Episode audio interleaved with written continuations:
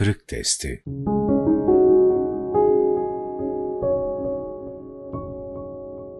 Habil ile Kabil bize ne diyor? Soru. Hazreti Adem'in oğulları Habil ile Kabil arasında geçen olayda müminlere verilmek istenen mesajlar nelerdir? Cevap. Sorunun cevabına geçmeden önce genel bir prensibe temas etmek istiyorum. Kur'an-ı Kerim'de anlatılan her bir olayın mutlaka bizi alakadar eden bir yönü vardır. Günümüze bakan yanlarını bulmak ve onlardan dersler çıkarmaktır.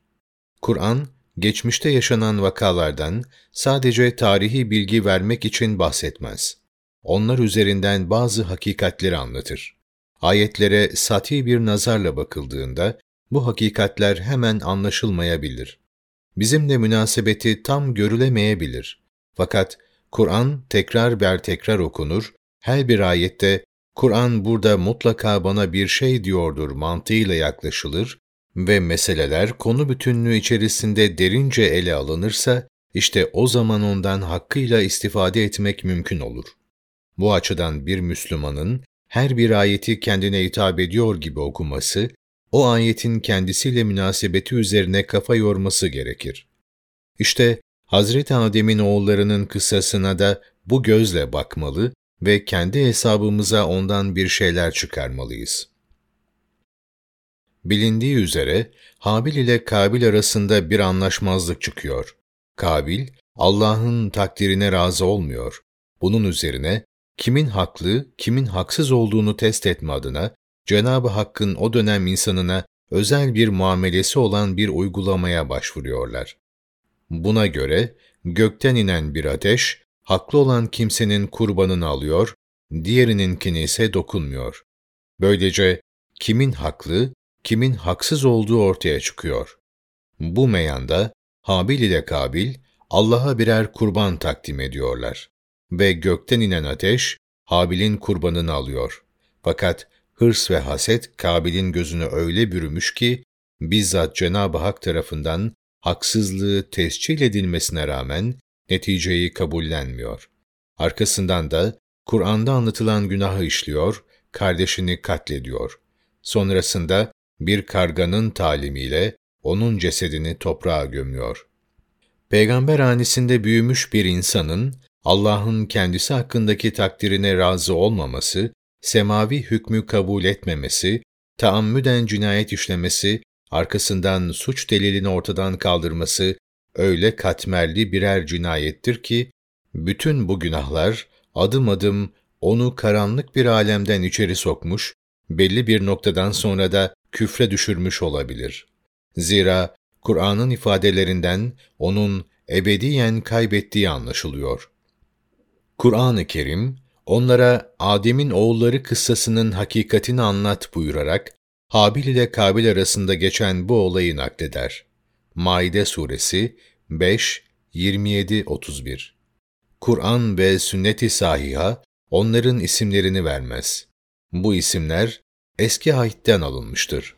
Buna göre iyi olan evladın ismi Habil, şeytanın ruhuna girdiği diğer evladın ismi de Kabil'dir. İsimleri her ne olursa olsun, bunların ikisi de sağanak sağanak vahyin yağdığı bir evde neşet etmiş, peygamber terbiyesiyle büyümüşlerdi.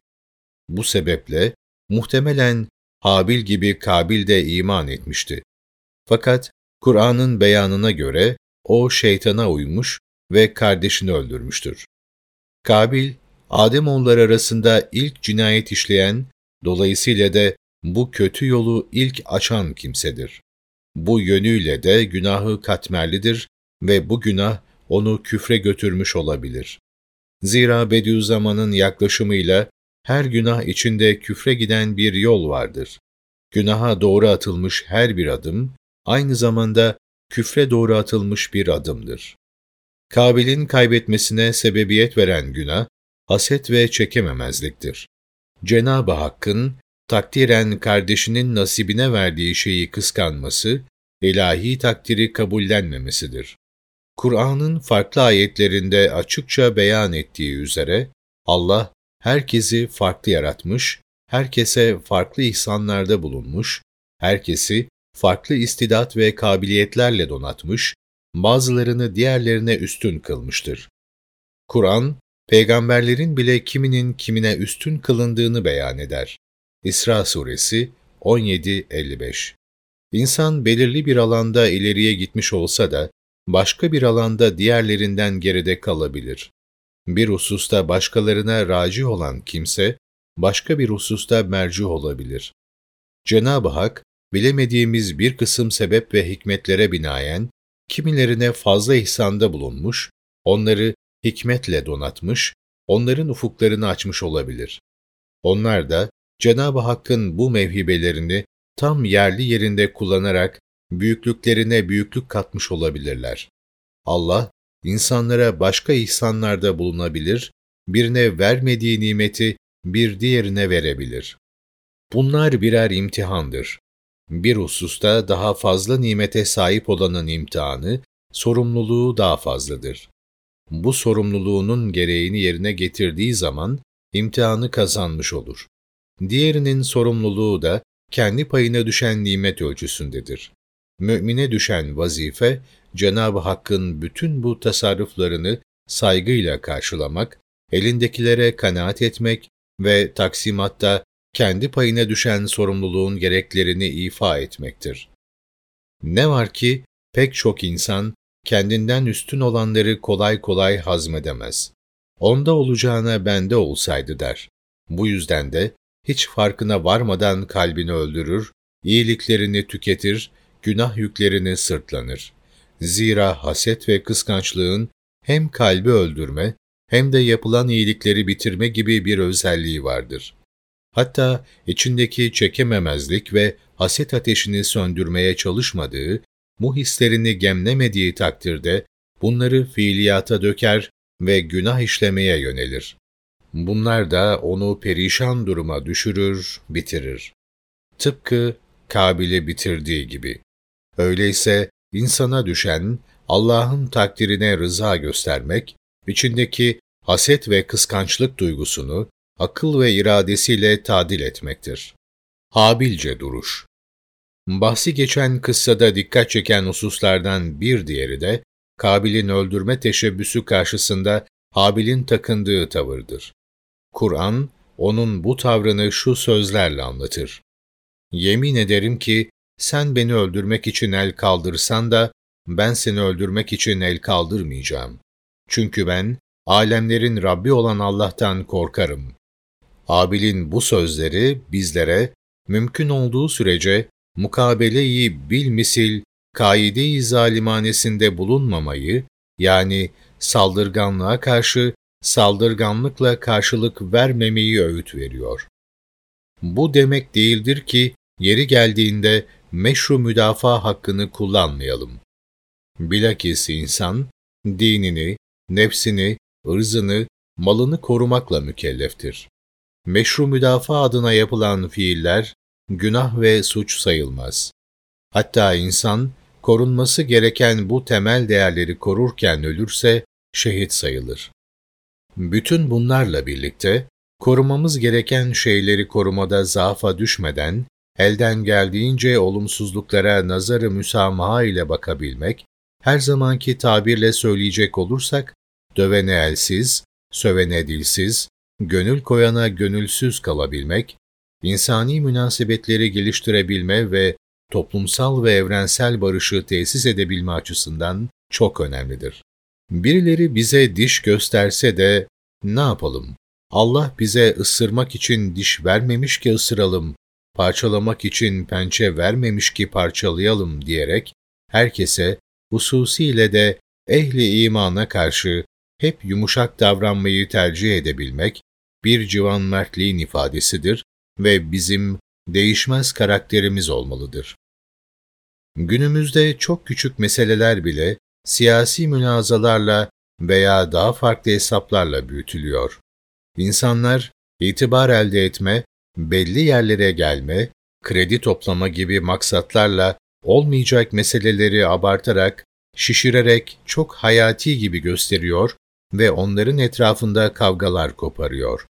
Bu sebeple mülayemet yolunun seçilmesi, kötülüklere kötülükle mukabelede bulunulmaması, toplumda sulh ve barışın tesis edilmesi adına çok önemlidir. Keşke Kur'an'ın bu dersinden siyasiler de bir şeyler anlasa ve üsluplarını bir kere daha gözden geçirselerdi. Keşke Kur'ani ahlak açısından yol ve yöntemlerini kontrol etseler ve bazı tavır ve davranışlarını filtreleyebilselerdi. Keşke bu kadar fevri davranmasalar, ihtilaflarını körüklemeseler, barış köprülerini yıkmasalardı. Sevgide ve öfkede denge Peygamber Efendimiz sallallahu aleyhi ve sellem, insanın sevdiğini ölçülü sevmesini, kızdığına da ölçülü kızmasını tavsiye buyurur. Çünkü sevilen kişi bir gün düşman haline gelebilir, kızılan kimse de bir gün dost olabilir. İşte o gün siz de geçmişte yaptıklarınızdan ötürü çok ciddi pişmanlık yaşayabilirsiniz. Bu yüzden sevgide de düşmanlıkta da aşırı gitmemeli insan. Eğer birilerini göklere çıkarırsanız, bıraktığınız zaman yere düşer ve parçalanırlar. Aynı şekilde birilerini öfkelendiğinizde, öfkenizi frenlemesini bilmelisiniz. Zira bugün düşman gördüğünüz insanlar, yarın dostunuz olabilir. Ve siz de, geçmişte yaptıklarınızdan ötürü çok utanabilirsiniz, pişmanlık içinde kıvranabilirsiniz. Bu sebeple sadece bugüne göre hareket edemeyiz. Birbirimize karşı üslubumuzu, muamelelerimizi çok dengeli ve ölçülü götürmeliyiz, bugünün yarını var demeliyiz. Hiçbirimiz yarınların bize ne getireceğini bilemiyoruz. Belki de bugün kızdığımız insanlarla yarın müşterek bazı şeyler yapmak durumunda kalacağız. Belki bugün kavgalı olduklarımızla yarın aynı cephede omuz omuza, diz dize gelecek ve kafalarımızı, gücümüzü birleştirmeden önümüze çıkan zorlukları aşamayacağımız kritik bir anda ortak bir düşmana karşı birlikte mücadele vereceğiz. İnsan bütün bunların hepsini hesap ederek adım atmalı, yarın keşkelerle hayıflanacağı işler yapmamalı. Efendimizin sözüne kulak verip her işinde dengeli olmalı.